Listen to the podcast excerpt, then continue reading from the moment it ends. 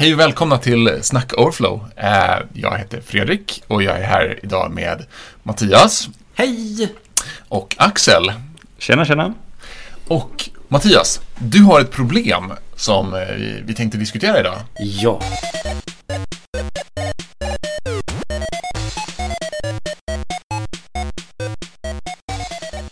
Berätta! Ja men det är så. Eh, jag håller på... Så här, det är ett tidsrapporteringssystem. Ni vet, vi är konsulter, vi rapporterar tid i 7 72 olika tidsrapporteringssystem. Det sidospåret får du ta i slutet Fredrik. Eh, Gladeligen. Vi hade en gammal backend som vi hade skrivit en proxy backend ovanpå och sen skrivit en klient. Och sen när den klienten blev dålig skrev vi en annan klient som pratade med vår proxy backend via ett REST API. Alltså version 2 av klienten pratade med vår proxy backend via ett REST API. Problemet var att bara för ett litet tag sedan så uppgraderades det underliggande backend-systemet från en uråldrig version till en ganska ny version. Och då gick vår proxy backend helt sönder. Men då tänkte vi, men den nya riktiga backenden har faktiskt ett helt okej REST API.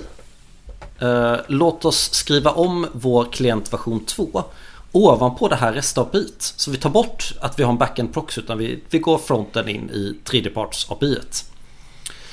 Uh, eh, och sagt och gjort och jag var inte med. uh, så jag kan inte riktigt ta ansvar för besluten som togs då. Uh, men det som hände var att man försökte liksom så fort klient, för det var liksom fortfarande i, i princip samma data som tidigare. Och det är ett tidsrapporteringssystem så det är inte så superavancerad data. Så, det, så fort klienten tog emot data från backend så mappade man om datan till det gamla frontend dataobjektet. Med då ambition att man inte skulle behöva ändra klienten överhuvudtaget. Och sen så fort man tryckte på sparknappen behövde man då göra omvända ommappningar för att gå tillbaka till ursprungsobjektet. Så egentligen min fråga till er Givet scenariot då att vi jobbar med ett tredjeparts API, alltså vi inte har någon möjlighet alls att kunna påverka API. När och vilka faktorer borde man ta hänsyn till när man avgör Ska jag mappa om det till mitt dataobjekt? Och när ska jag bara acceptera deras objekt och kanske få lite fulare kod eh, Men lever med det? Förstår ni problemet? Ja, Jajamän. absolut. Absolut. Har ni varit med om problemet? Ja, ja. Jag har till jag har ju varit med om problemet. problemet. Ja, kör. Ja, jag har till och med varit med på problemet där jag liksom har kontakt med de som skriver backenden. Så att liksom inte ens att de är ett... För, för, för dig är det ju att du kan ju inte ändra någonting. Eh, utan du är ju... Du, det här tredjepartslibbet är ju eh, inget du kan styra över. Men jag har till och med kunnat styra över det och ändå inte kunnat få igenom det jag velat. Så att, ja. Jag förstår verkligen ditt problem. Åh, så du menar... Med, med. Så vi ska prata om det som när vi säger tredjeparts API ska vi egentligen betrakta det som att backenden går inte att förändra. Det kan ju vara så att backenden sitter två stolar bort. Men inte går att diskutera med. Går det in i samma Ja, paraply då? Ja, kanske. Egentligen ja. Ja. Fast då är det ett organisatoriskt problem så du borde kanske jobba på det från det hållet. Men, men, men Ja, det är skitsamma. Jo, men, men Eller ett det kan ju också vara... Ja, legacy-problem, kanske. men det kan också vara ett, ett, ett problem av att du inte är den enda klienten. Det kan Mm, vara så att du bygger en mobilapp eh, och det kanske finns både andra än webbklienter, men det kan också finnas backend, alltså back, vad heter det, B2B eh, ja, men exakt. Det, det kan ju finnas liksom multipla konsumenter av det här API och att dina intressen inte alltid väger tyngst. Nej. Så, så även om de sitter två stolar bort och kan ändra på saker och är fullt, så kan det finnas liksom legitima hinder till varför du inte kan göra det du vill. Låt mig beskriva det här API lite då. Eh, den är helt låst. API som jag jobbar mot är helt låst där man hämtar hem en vecka. Och i veckan lägger man till ett visst antal. Man kan ha liksom flera olika saker man rapporterar tid på. Men egentligen så det du gör är att på ett par olika projekt för den här veckan rapporterar du tid måndag till fredag i allmänhet. Det går ju att rapportera på söndagar och det går ju att lägga lite kommentarer och sådär. Eh, och i slutändan så trycker du på skicka in den här veckan för godkännande. Så jag tycker egentligen att endpointsen för det är klockrena det finns exakt de endpoints jag vill ha. Exakt de kuddarna jag vill ha. Mitt problem är att datan jag får, säg att jag berättar att jag vill hämta en vecka. Eh, delvis har de lite metataggar, så här länkar till sig själv och länkar till saker du kan göra. Och det kan jag, jag använder det ibland. Vissa, vissa av de där länkarna är hårdkodat. Eh, vilket kanske kommer bita mig i foten ifall de uppdaterar sitt API. Men det som jag kanske tycker är jobbigast är att datan jag får kommer delvis som liksom ett Ganska, ganska, lång, ganska tidigt i objektet får jag en property som heter Table-panelen. Och bredvid den finns Card-panelen. Och i Card-panelen kan man eh, expandera data och där finns dat sammanfattad data. Och i Table-panel-objektet finns det .data.records. är en array av records. Uh, och ni, ni, man kan ju tänka sig att ja, men om det är sju dagar, man, det är ju alltid sju dagar. Då kan man anta att det kommer som en array med sju värden. Men nej, utan propertyn heter typ Time Report Day 1 var. oh. Comment Day 1 var. One då som en siffra, inte som, som bokstäver. Kanske som tur är, jag vet inte. Ja, som, som tur är faktiskt. det kunde varit ytterligare värre. För, för, för grejen är att vi, jag kommer ju på någonstans då. Jag vill ju ha en array of inputar någonstans. Och i det gamla, som man tänkte innan jag började koda på det här var att ja, vi mappar om det direkt till en array av siffror. Och där slog de ihop lite egenskaper som så här är det, kan man anta att en helgdag, alltså de, de mappar om objektet lite. Medan istället för att de mappar om det till något väldigt användarvänligt för mitt problem, jo, ja, if det här tidiga lagret. Så har jag nu istället att nere vid inputfältet så har jag värdet bindat då till den här rapportens, av vad då det här objektet hette. För att avgöra om det är en helg eller inte, eller så om det är en röd dag så får man med ett fält av förväntat antal timmar för den här dagen. Och om den siffran är noll så renderas liksom datumet i röd text. Och inputfältet Inputfältet blir inte disablat för du får fortfarande rapportera tid på röd dag. Men, men liksom det syns att det här är en helgdag. Mm. Så det finns liksom logik. Om den här förväntade timman är noll så ska U rendera så här jag kan, se, jag kan förstå att man vill göra det i tidigt lager så man får bort den logiken från sin mentala modell tidigt. Samtidigt så tog det mig jättelång tid att förstå hur Is Holiday skapades. För den hette det här dataobjektet som vi själva hade skapat då, den här ommappningen hette det Is Holiday. Men Is Holiday fanns ju absolut inte med i nätverksfliken. Mm, just det. Och det är egentligen mitt starkaste argument till varför jag... Så här, jag, jag ser att det finns massa skäl för och emot. Jag skulle säga det, skälet att jag vågade gå och börja koda där innan jag ens pratade med er. Var att systemet kommer ju då Eftersom att det är liksom ett, en, en app vi använder varje månad Så kommer ju den ha många användare Många av oss kommer använda Men det kommer inte få jättemycket kärlek systemutveck av systemutvecklare utan någon kommer komma in och göra någonting, committa det, trycka till prod och sen gå ut på sitt uppdrag igen. Så jag vill minska den minska den mentala modellen som utvecklaren behöver ha. Det är viktigare för mig att det matchar med DevTools, nätverksfliken, se vilka restanrop som går. Och få det att matcha med fält, liksom raden som heter Report Row. En tanke som slår mig i det här fallet när jag pratar om huruvida du ska, du ska mappa eller inte mappa mm. är ju att, att eh, om du gör en mappning eh, och, och det, du får fel, ja men att du antar att det ska finnas ett objekt som har en property någonting och det objektet finns inte. Mm. Du, du, får ett error i mappningen. Medan ja. Om du inte mappar det och gör samma antagande fast ute i ett GUI, då får du smällen någonstans ute i, i GUI-koden istället. Och en mm. av, av, tankarna med att, att strukturera så som att du gör en mappning och sen presentation av din egen mappning är att du kan skriva, du, kan, du har ett bra ställe att lägga in validering på ja. i, i din mappning. Så eftersom att du nu håller på och mappar saker så är det också vettigt att skriva dina förväntningar som valid, validatorer. Och så mm. trycka ut meddelanden där det står vad du faktiskt har förväntat dig. Jag förväntade mig bla bla bla bla bla men det, inte, det verkar inte, det här funkar inte, ser inte ut så. Du det kan ju göra det kan göra livet lite lättare för den som kommer efteråt. Som bara, det smäller av någon anledning. Och då står det så här, validatorn failar för att bla bla bla bla bla bla bla bla bla. Och så står det liksom, då har du skrivit en text vad du förväntar dig. Mm. Det är lite test-driven fast eftersom att du inte kan skriva tester mot det utan du får bara se vad som händer för att du äger ju inte API och, och du har gissat saker. Så, så är det, kan man åtminstone skriva, sina, skriva vad man faktiskt har gissat i en validator, även om det är, skitjobbigt att göra. Ja, du menar att, att skriva en mappare tidigt, då är det den som kommer smälla. Och om tredjepart API bryter bakåt kompatibilitet. Ja, eller om du har gjort felaktiga antaganden. Ta, ett, Ja. ta, ta bara som ett scenario att du förväntar dig att dag ska vara en typ siffra. Mm. Men i, i...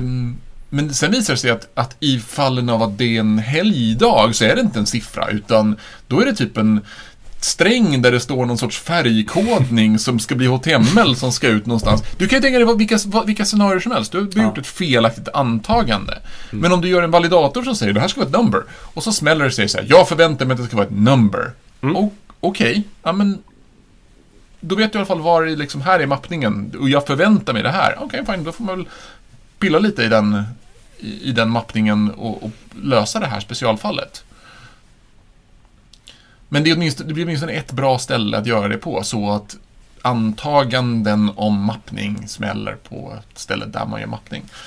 Ja, för nu, nu riskerar det kanske att det inte smällas alls. Eller så här att, att View felhanterar. Eh, appen är kodad i View, det spelar ingen roll alls för problemet. Men, men den kommer ju smälla om det är ett inputfält som helt plötsligt inte fick sitt värde. Då kommer den bara rendera som en tom inputfält. Eller kanske till och med visar upp strängen i fältet. Ja, men en klassiker är väl att det står object object. Ja, Du men förvänt- precis som det att- bitfelet ja. Men Eller undefined. Ja, ja, men du säger att du förväntar dig få en siffra, men istället får du ett, ett, ett objekt som har typ value och sen siffran och sen har typ en annan option. Ja. Men i det avmellandet så vet de så här, ja men vi ska kolla om det är en siffra eller om det är en annan och sen så har vi lite specialkod ifall det inte är en siffra. Men det visste inte du om, för det händer skitsällan. Är det, är det skäl nog för att tänka om? Eh, för, för jag... Så här, mitt starkaste argument för varför det är värt att göra att inte mappa om är ju då eh, Då behöver du istället för att förstå Så här, om man har en mappning då behöver jag ju förstå hur tredjeparts API är tänkt Men också hur vi har mappat om till det här är tänkt Så det är liksom två världar jag behöver förstå. Eh, Nu, om man inte har någon mappning, då behöver man ju bara förstå det externa APIt. Det är lite svårare att förstå det och det som du säger med valideringen så är det lite mer risk. Sen kan man skriva valideringen på andra sätt kanske. Men det Jag är kan inte så det- det blir en de facto-mappning i alla fall. Säg att du ska att du, du vill inte använda dig av deras value 1, 2, 3. Så någonstans så skriver du en de facto-mappning av att du loopar över det här objektet med typ strängen, någonting med en template där du plopp, ploppar in siffran 1, 2, 3 och så sätter du den här bla bla någonting, ett var. Och sen så gör du en array av det fast det framme Gud. N- Vä någonstans. väldigt, väldigt nära renderingen så skapar jag en array som heter 1, 2, 3, 4, 5, 6, 7 punkt map. Och översätter Ja. eller reduce eller vad jag gör. Vid olika, Ja. olika ställen. Väldigt nära renderingen mappar jag om det till en array. Och så fort den arrayn uppdateras mappar jag tillbaka så jag gör liksom skrivningen. Liksom, jag har, jag har ju tvåvägsbindningar. Så ganska tidigt mappar jag tillbaka det. Då gör du ju en mappning. Det är bara den, den, den ligger liksom inte i en mappningsbitkod. Du har inte en modell där du gör en mappning. Utan du, någonstans gör du, fast du gör det ju till GUIT. Men om vi gör den här klassiska att en applikation är ett träd med noder och liksom så här, man har en rotnod och sen har den barn. Liksom som, som alla moderna webbramverk gör. Ni är med på den mentala modellen? Ja, ja. Yes. Då är det ju istället för att storen eller rotnoden gör den här mappningen. Så gör jag den ju istället ja, nivån, den näst understa nivån, så nära renderingen som möjligt. Så, så visst, ja, jag gör en mappning men istället för att göra den längst upp och hela min applikation är efter min mentala modell. Så gör jag den längst ner för att, för att det var lite lättare för mig att rendera. Jag kan tänka om där, jag hade kunnat tänka om och istället för att använda input grid komponenten som vi har som förväntar sig en array av lite siffror. En, en annan tanke är, Så, så binder jag det objektet hela vägen ner.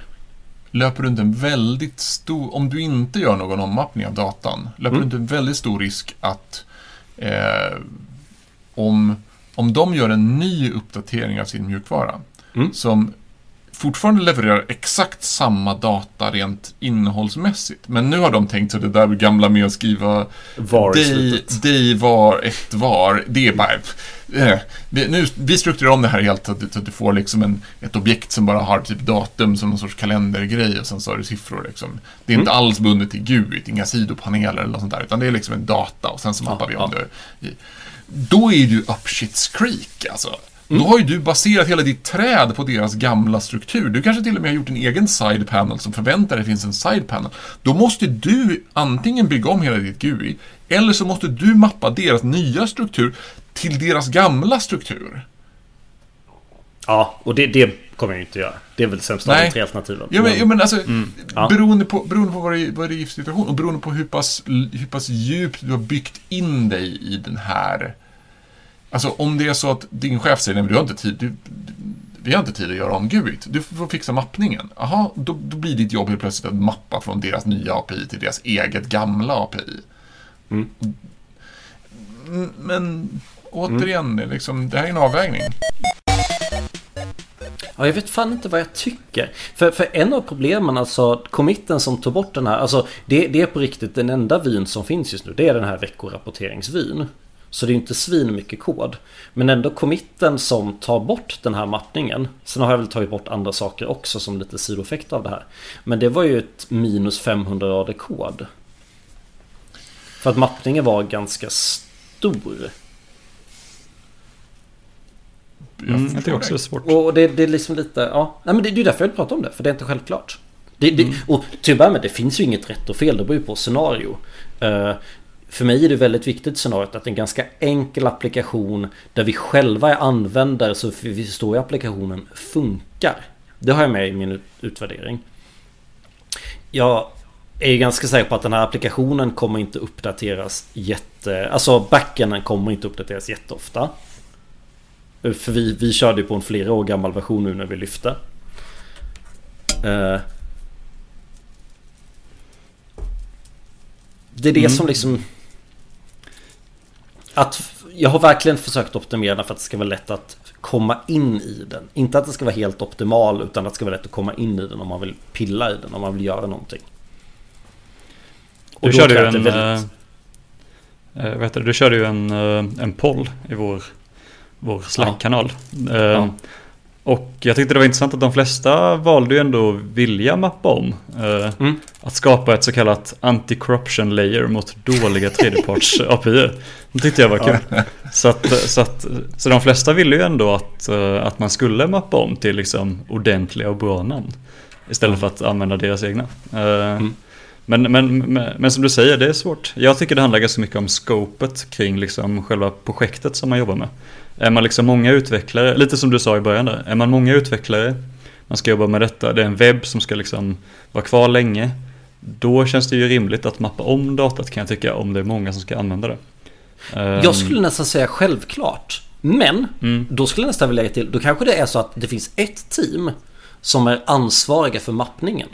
De andra teamen kanske inte ens i sin mentala modell behöver förstå hur det andra API funkar. Det kanske till och med på nivån att det här borde vara en backend for frontend. Yes. Mm, precis. Så, så det här kommer smälla i backenden. Om, om, om Alltså- den tredje parten ändrar sitt API så är det en backend som kommer smälla. Ja, exakt. Det är ju... Men, ja... Och till Men scenariot alltså, men- har ju också faktiskt, jag tror jag ska sä- säga det här för att förklara mitt scenario. Eh, Det här är ju en nice to have frontend som kompletterar en existerande eh, inte så bra frontend. De- Den är dålig, både, både lite tung för den är skriven i Angular så det är ju 5 meg data som prånglas ut och tar många sekunder att starta. Eh, Och också lite de sparar varje gång man lämnar ett fält och låser då hela raden. Så det är liksom inte... eh, Ni känner en 8 tab 8 tab 8 tab 8 tab 8. Ja. Eh, den- Den gör lite ont. Istället har jag en stor spara-knapp. Mm. Eh, Så, så min poäng är att om min applikation inte skulle funka så är det inte ett jättestort problem för då får man bara gå tillbaka till den dåliga applikationen. Och de gör ju egentligen samma sak bara med en annan UX egentligen. Vi har någon tanke på att man kanske skulle skapa en månadsvy också. Där finns det absolut inte API-stöd för.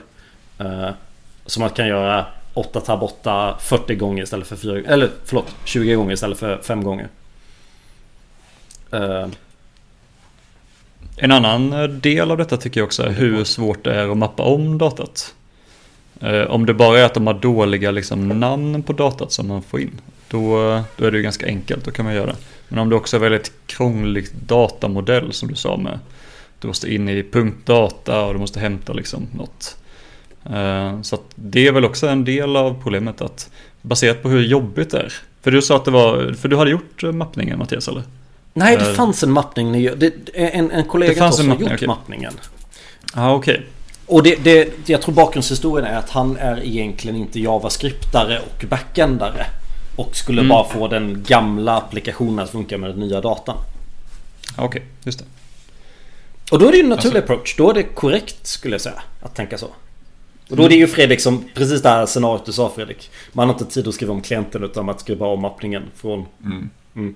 Det, det, finns ju ett, det, det, finns ju ett annat scenario som är, som är lite farligt. Det, det är inte, det, det, inte löser inte något problem i, i varket av fallen. Men det, kan finnas eh, implicita de facto-nycklar mellan saker och ting som kan vara svåra att förstå. Alltså, säg att du har, säg att du har två stycken objekt. Du, du får ner någonting och sen så har du typ din side panel och dina dagar. Och där finns det, det finns någon form av koppling mellan dem. Det finns IDn eller nycklar eller någon form av de facto-nycklar i den ena tabellen som länkar lite så här databas-styligt till någonting i den andra. Som att eh, ja, men det här är en, en helgdag om någonting i den andra nyckeln något, något passar mot någonting. Mm. Och sånt där, kan, sånt där kan vara väldigt svårt att, att, begripa. Och ofta kan det, vara, kan det vara som att de facto-nycklarna är typ att någonting är någonting om någonting annat skulle finnas med i den andra. Och det där är absolut inte självklart utifrån från datan. Nej. Det, det, där, det, hade inte det, riktigt, det var inte riktigt den här typen av mappningen, men, men vi, jag hade det här problemet för en herrans massa år sedan. Mm. När vi skulle bygga, det var en, en gammal klient vi hade byggt eh, och det vi, vi, skulle göra bara en databaskonvertering. Men problemet är ganska lika. Mm. Vi hade en, en, en gammal legacy-databas som skulle liksom migreras till en ny databas med den nya modellen. Så det är mm. liknande problem. Ehm, men det gamla scenariot var att vi hade inte en databas, utan vi hade två olika kunder. Och de här två kunderna hade var sin databas och så fanns det en databas som de delade med varandra. Så det fanns en gammal SQL-databas och två stycken Access-databaser. Oh. Där, där det oh. fanns implicita de facto-nycklar mellan de här, där de liksom Eftersom att det var olika databaser så fanns det liksom ingenting som band ihop dem. Så det, det, var kontroller som att om det här finns i den ena andra, då betyder det någonting. Och om man inte var insatt och visste exakt hur det funkade, då var det helt obegripligt hur det funkade. Eh, Men vad är bättre eller sämre då? Att, att jag i liksom, när jag går in på en cell ser is holiday och måste söka efter is holiday och hitta den här mappningsfilen och försöka förstå vad is holiday betyder. För så här, det de hade gjort, det, det har varit ganska, en, en rapport är i API jag pratar med ett helt platt objekt. Det är inga array utan det är key values helt igenom. Och det är därför de har day 1, day 2. Och sen har de en annan som heter liksom förväntade timmar day 1, day 2. Och det de gjorde då var att de slog ihop de här till en array per dag. Alltså mapp mappningen och jag tror vår gamla backend eh, Alltså den här proxy-backen jag pratade om innan Skapade mm. objekt I report fanns det ett objekt som hette Eller ja, days Som var en array Liksom det fanns sju days Där var, varje sak i den här arrayn var ett objekt Med timmar, förväntat timma Är semester och vad mer man kunde behöva så det var en ganska Från ett helt platt till ett ganska komplext objekt Helt platt i vilket fall till en array av objekt. Gjorde mappningen. Och det, det var det som gjorde att det var liksom svårt för mig att bara... För jag... Och det, det kan helt bero på hur jag angrep applikationen. Skälet att det passade för mig var att jag utgick ofta från liksom banen längst från rotnoden, alltså det som faktiskt gör renderingen av HTML. Eh, och kollade, ja men varför blir den här röd? Och sen så jämförde jag det med nätverksfliken med vilken data jag fick in. Det var så min approach var för att förstå hur den applikationen faktiskt funkade.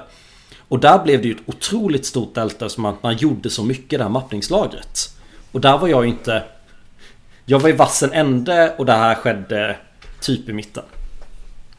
Mm. Det känns lite som att, att om det API du går mot är hyfsat lättbegripligt så, så är det liksom vettigt, så kan det vara vettigt att eh, använda det rakt upp och ner. Men alltså, någon gång måste du ändå göra Alltså, någon gång måste du ändå göra liksom tankearbetet när du så här, jaha, men vad betyder det här? Mm. Det känns som att man lika gärna borde kunna kristallisera det i en mappning. Om det är tillräckligt komplext. Mm, jag håller med. Det blir lite som eh, Det blir lite som en själv, alltså det blir lite som dokumentation nästan. Eh, Om det är väldigt krångligt så blir det som lite självdokumentation som behöver liksom uppdateras om API ändras. Så att andra kan förstå det. Vilket är ju ganska skönt i sig. Vilket kanske inte ska behövas men i det här fallet kanske det behövs om det är för krångligt. Är det svårt Men alltså, men i, i, en analogi. Alltså bara tänk dig så här. Säg att du är fotbollsspelare och sen så tacklar någon dig. Och, och du blir avburen på båren för du håller på och rullat runt och någon har fått gult kort och, och du har du tyckt du var jätteduktig med att filma. Men nu står du inför ett val. Du har ont. Ska jag spela igen? Eller ska jag kräva att bli utbytt? Det, är liksom, det finns en, en du gör en pain, en, liksom en, en pain-jämförelse. Hur ont har jag? Mm. Och, och det är lite det du gör. Det är så här, vi förstår att det är... Hur ont gör det att jobba med... Eh, att bara fortsätta jobba med deras modell rakt upp och ner som den är. Eh, så det blir väl upp till varje utvecklare att känna efter så här, hur jobbigt är det här? Hur mycket plågar det mig att jag hela tiden alltid måste göra någonting som inte är riktigt bra? Jag måste springa på en fot som gör lite ont. Mm. Eller, eller ska, jag, ska jag göra liksom, ska jag göra det, det jobbet av att, ha okej, nu ska jag sätta mig ner och ska jag mapp, göra en mappning. Liksom. Mm. Men, men jag vet inte, alltså skälet att jag gjorde det var egentligen inte att jag, alltså, jag, jag valde att ta bort en mappning som nästan fungerade.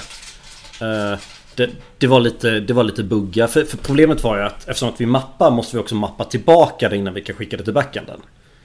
Det slapp jag helt, det slipper jag helt nu när jag jobbar med den riktiga datorn. Så att säga.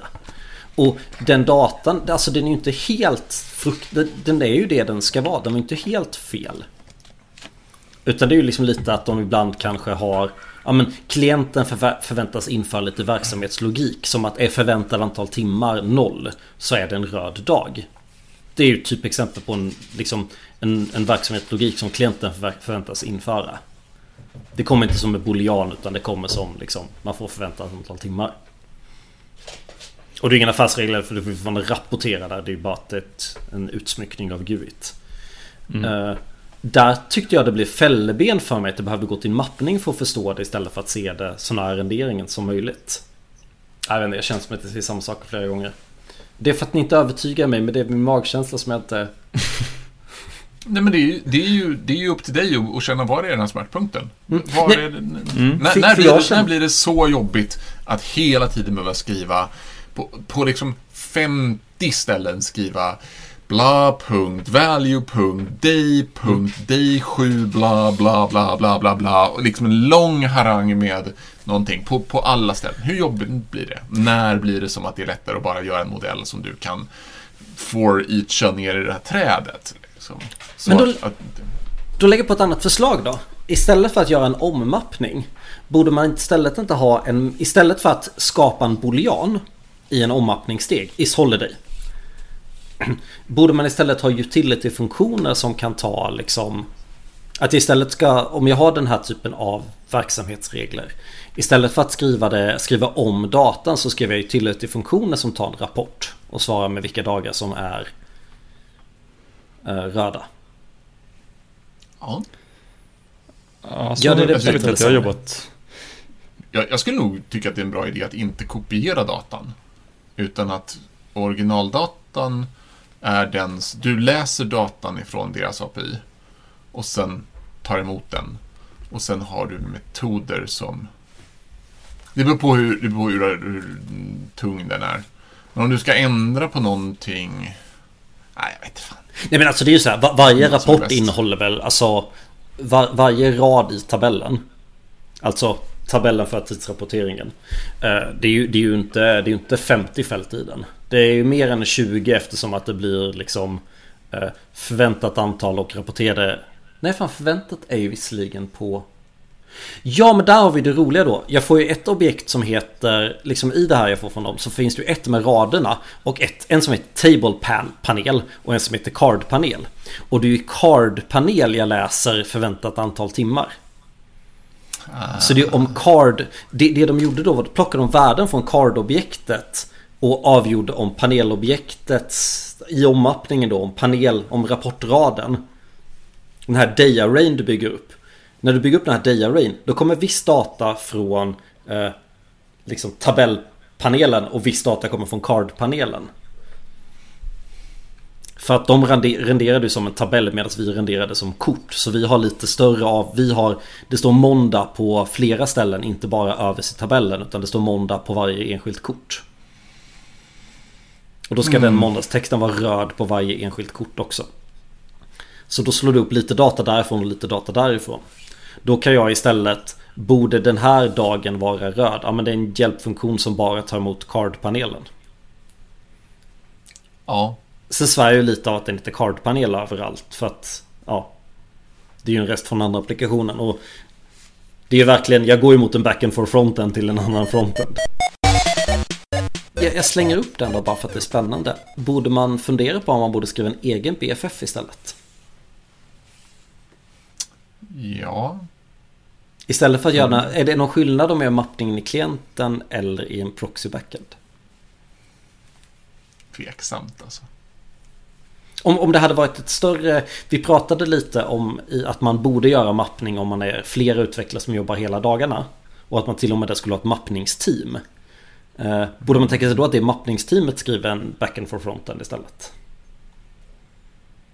Istället ja, för att skriva men, det i klienten. Men det känns som att backend for frontenden blir först nödvändig när du antingen har problemet av att mappningen i sig är ett prestandaproblem, mm. så att du inte vill göra det i klienten, mm. eller att eh, det finns flera klienter och du vill inte duplicera mappningen i flera klienter. Okej, okay, du skulle kunna göra det mm. som ett NPM-paket om du, om du ville ha, om du har fler JavaScript-klienter, men det kan ju, mm. det kan ju vara en det kan ju vara en eh, webbklient och en eh, iOS-app skriven i Swift. Mm. Eh, då, då vill du ju flytta det till en, då vill du ha en backend fronten. Men i ditt fall så känns det som att det är, det är onödigt komplicerat. Då måste du ju dessutom hålla på att hitta någon deployment-lösning. Absolut. För, för din backend på fronten. Det, det känns onödigt komplicerat. Det som är så jäkla smutt nu Det är ju att det är ju verkligen bara statisk webb. Så jag deployade bara liksom, De har en statisk plats som jag får FTP upp filer till. Det, jag behöver ingen magisk hosting överhuvudtaget. Mm, nej, men backen för fronten. Jag, I det här scenariot helt klart overkill. Och, och jag köper det du säger att man kanske... Om det blir mm. fler klienter. Men eh, det finns ett annat scenario. Där mm. backen på fronten kan vara vettig. Mm. Det är inte så att det bara kan finnas flera klienter. Det kan finnas flera backends.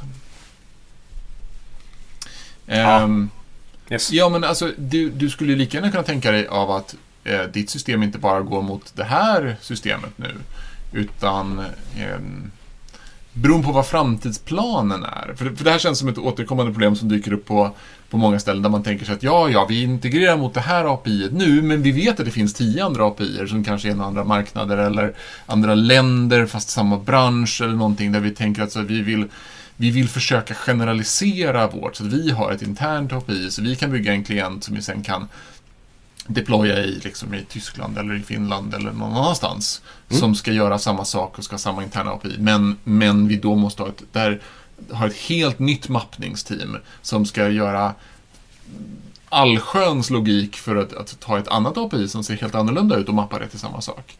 Mm. Då är ju en, en backend for frontend-lösning alldeles kritisk. Eller ja, han skulle väl kunna i princip ha den i klienten också, men, men, men då blir den så pass stor. Hopp, går vi i cirklar eller? Kan vi problemet? Det gör vi alltid. Eller vill vi diskutera det vidare? Vi kanske redan har löst problemet. Och, och, men jag ska ändå landa i, alltså Det är ju svårt för er att, att, att tycka, för ni har inte sett exakt det här problemet. Eh, jag är lite förvånad, som du sa, pollen Axel och även vad ni säger att det är så självklart för utvecklare ett mappnings... Alltså, men, men som en motfråga då. När, när ni skriver er frontend på en kollegas backend. Hur ofta upplever ni att ni skriver mappningskod i... Trots att ni verkligen sitter bredvid backendutvecklaren? Skriver ni mappningslager i vilket fall då? Nej, Nej. det skulle jag inte vilja säga. Då gnäller jag bara Men till min kollega.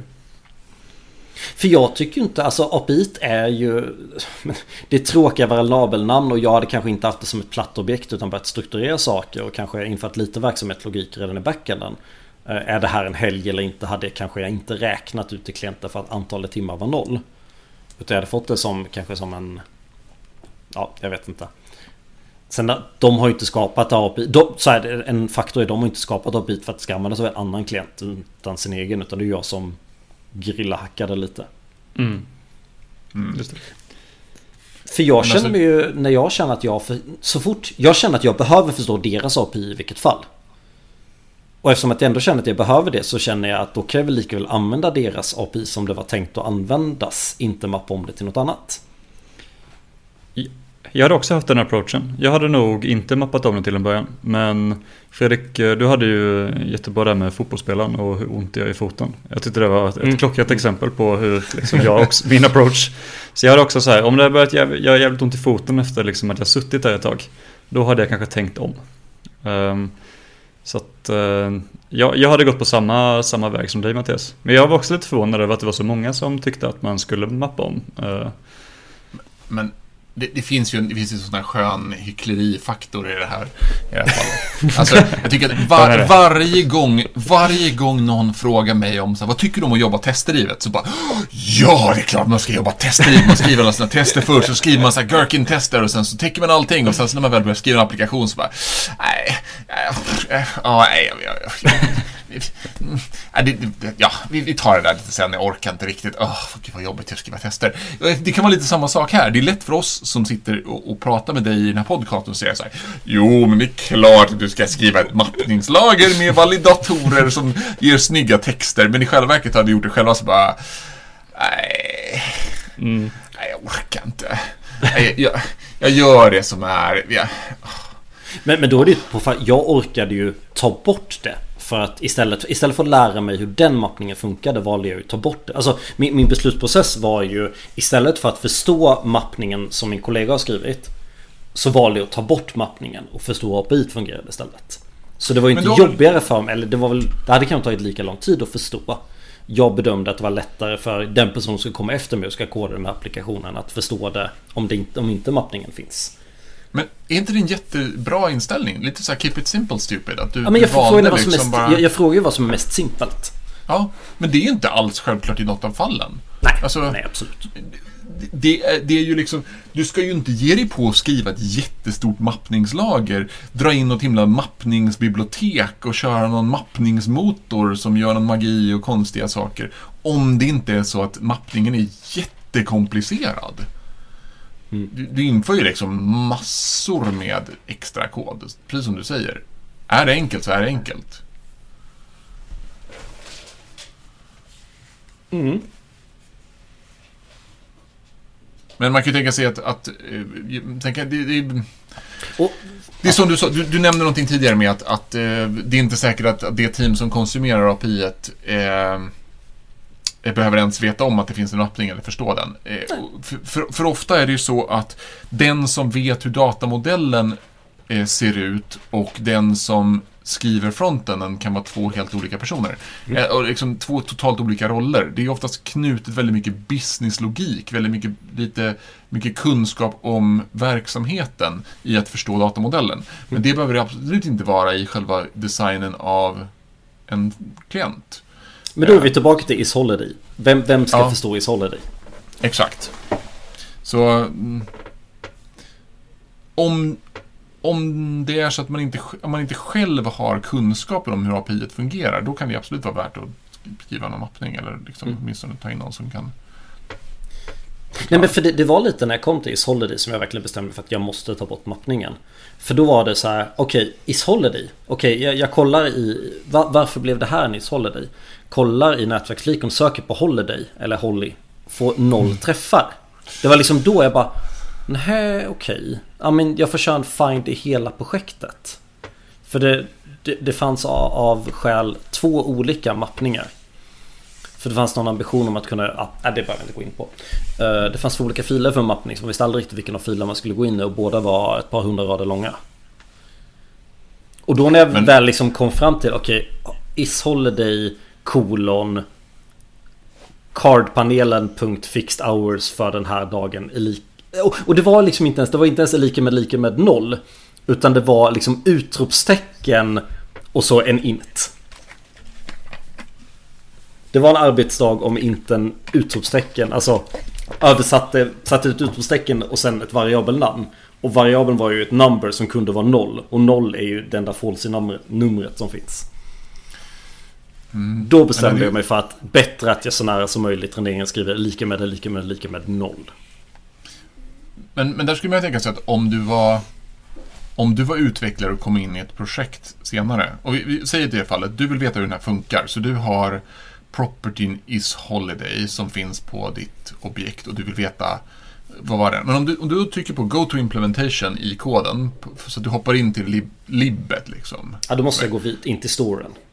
Först. Ja, men precis. Men, men, jag menar, men om, du går, om, om någon har skrivit den här, klient, den här mappningen förr, så du trycker på ditt mappningsobjekt som redan är skrivet. Du vill förstå hur det här funkar, säg att när du redan är igång. Yes. Så går du till den och där ovanför mappningsobjektet så står det en kommentar där det står så här. Den här sätts genom att bla bla bla, du kollar om bla bla bla bla bla bla. bla. Perfekt ställe att skriva den grejen på. Har du gjort med JS-doc så bara hovrar du över den och så står det så här.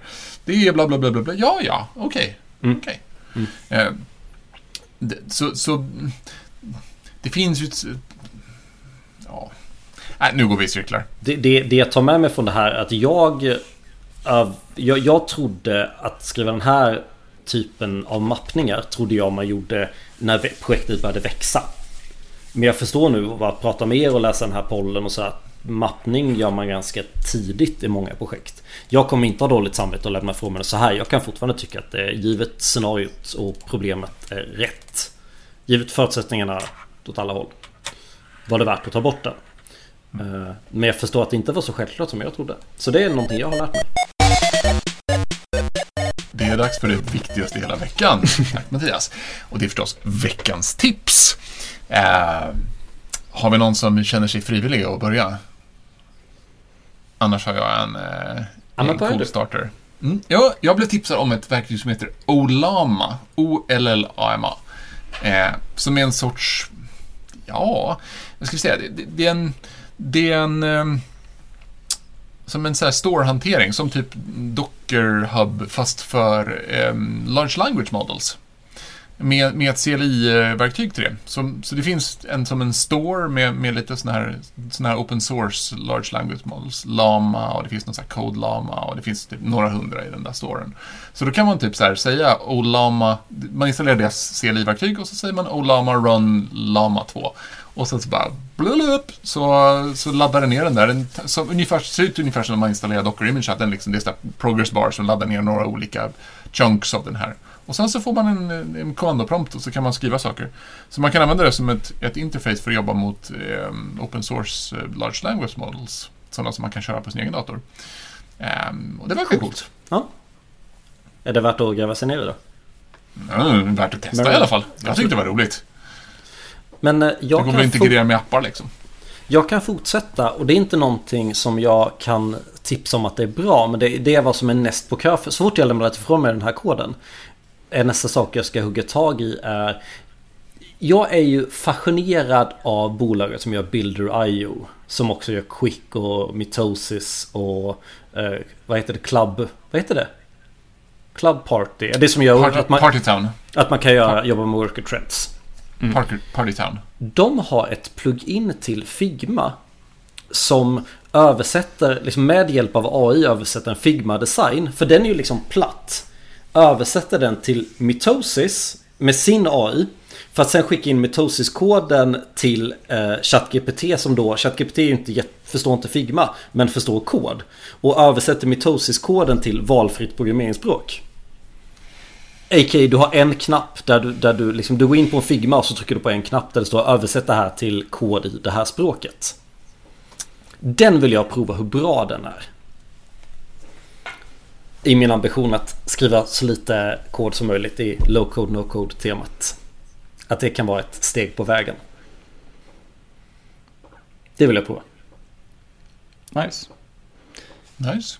Jag har inget veckans tips, men jag har en veckans irritation. Oh. Eh, Det funkar det också. ja, jag har en iPhone. Ve- Och... eh, ja. Veckans tips, skaffa en Android. Skaffa, skaffa, ja, precis. Det, ja, jag kommer till det. Eh, så, så, så det är många som känner till detta, men jag kan säga till de som inte gör det att man använder ju ganska ofta Safari då, som browser om man använder iPhone. Och alla andra, om man använder typ Chrome eller Brave eller någon annan browser i iPhone så är det en reskinnad version av Safari i och med att den använder WebKit. Det, det, det, det är veckans irritation för mig. Det tycker jag är tråkigt. Jag tycker Apple borde släppa detta. För de har fått klagomål. Det har man haft klagomål på detta i flera år. Så att um, skärpning. Skaffa en Android. Ja, Det där är ju intressant att se. Det är ju EU-direktiv. När är det 2024 som kickar in det här Digital Market Act eller vad det nu heter. Mm. Ehm, att eh, man ska kunna sideloada applikationer. Och Mm. Apple är ju jättearga på det. Eh, och frågan är vad som vad det kommer få för konsekvenser. Kommer, kommer det kunna komma tredjepartsbrowsers som ignorerar Apples regler? Till exempel. Eller andra. Det ska, ju- det ska ju vara möjligt att ha andra stores än Apples store på iPhone enligt nya EU-direktiv. Mm, just det. Spännande utveckling, är vad som händer. Om man kör Android, Det- finns det många stores? Alltså Google stores förstår jag liksom, eller deras. Men, men finns det många andra som används? Amazon hade väl en men slog väl aldrig riktigt. De var lite nedlåsta. Huawei har ju sin egen eftersom att Kina inte tillåts på Play Store Ja, fullt precis. ut eller vad det är. Eh, Men i praktiken så finns det inte det. Däremot så är det ju att bara att ladda hem en APK, alltså en Android-paketfil och köra den. Alltså att sideloada en applikation. Det har jag gjort ett par gånger. Jag minns inte riktigt varför men det kan vara semolagligt så jag kan inte borde säga varför heller. Om jag kommer ihåg det. Det finns ju någon sån här, heter den Odroid, som är någon open source historia store som liksom löser APK-installering automatiskt med någon store. Mm. Så det finns ju lite alternativ istället om man, om man vill Mm. köra annat. Ja, det var allt för mig. Ja, fan, jag, jag drar min anekdot i vilket fall. Jag känner inte att jag behöver hata iPhone mer. Men det är ju ändå tisdag så varför inte? Eh, det var mitt... Jag, jag har kört eh, Apple och iPhone ett år. eh, för att ett jobb tvingade på mig det. Eh, och mitt stora liksom... Jag vet inte om jag inte la ner tillräckligt mycket kärlek på min iPhone. Men en av grejerna var att om jag öppnade ett mail och klickade på en länk. För jag hade ju hade Chrome också då. Eh, och klickade på en länk så öppnades den i Safari. Den positiva effekten av det här blev att enda länkarna jag klickade på i mail var ju i princip JavaScript Weekly. Så jag hade Safari var min JavaScript Weekly browser och min Chrome var min resten browser. Eh, Det var väl lite skälet att jag, jag valde att lämna iPhone igen för jag tyckte den typen av inlåsning var tråkig. Och det här var flera år sedan så det kan inte är så längre. Nej, så är det Eh, inte längre.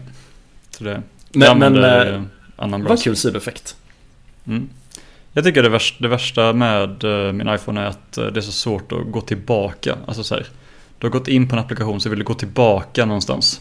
Och då måste du klicka upp i vänstra hörnet. Och det funkar liksom inte med mina fingrar.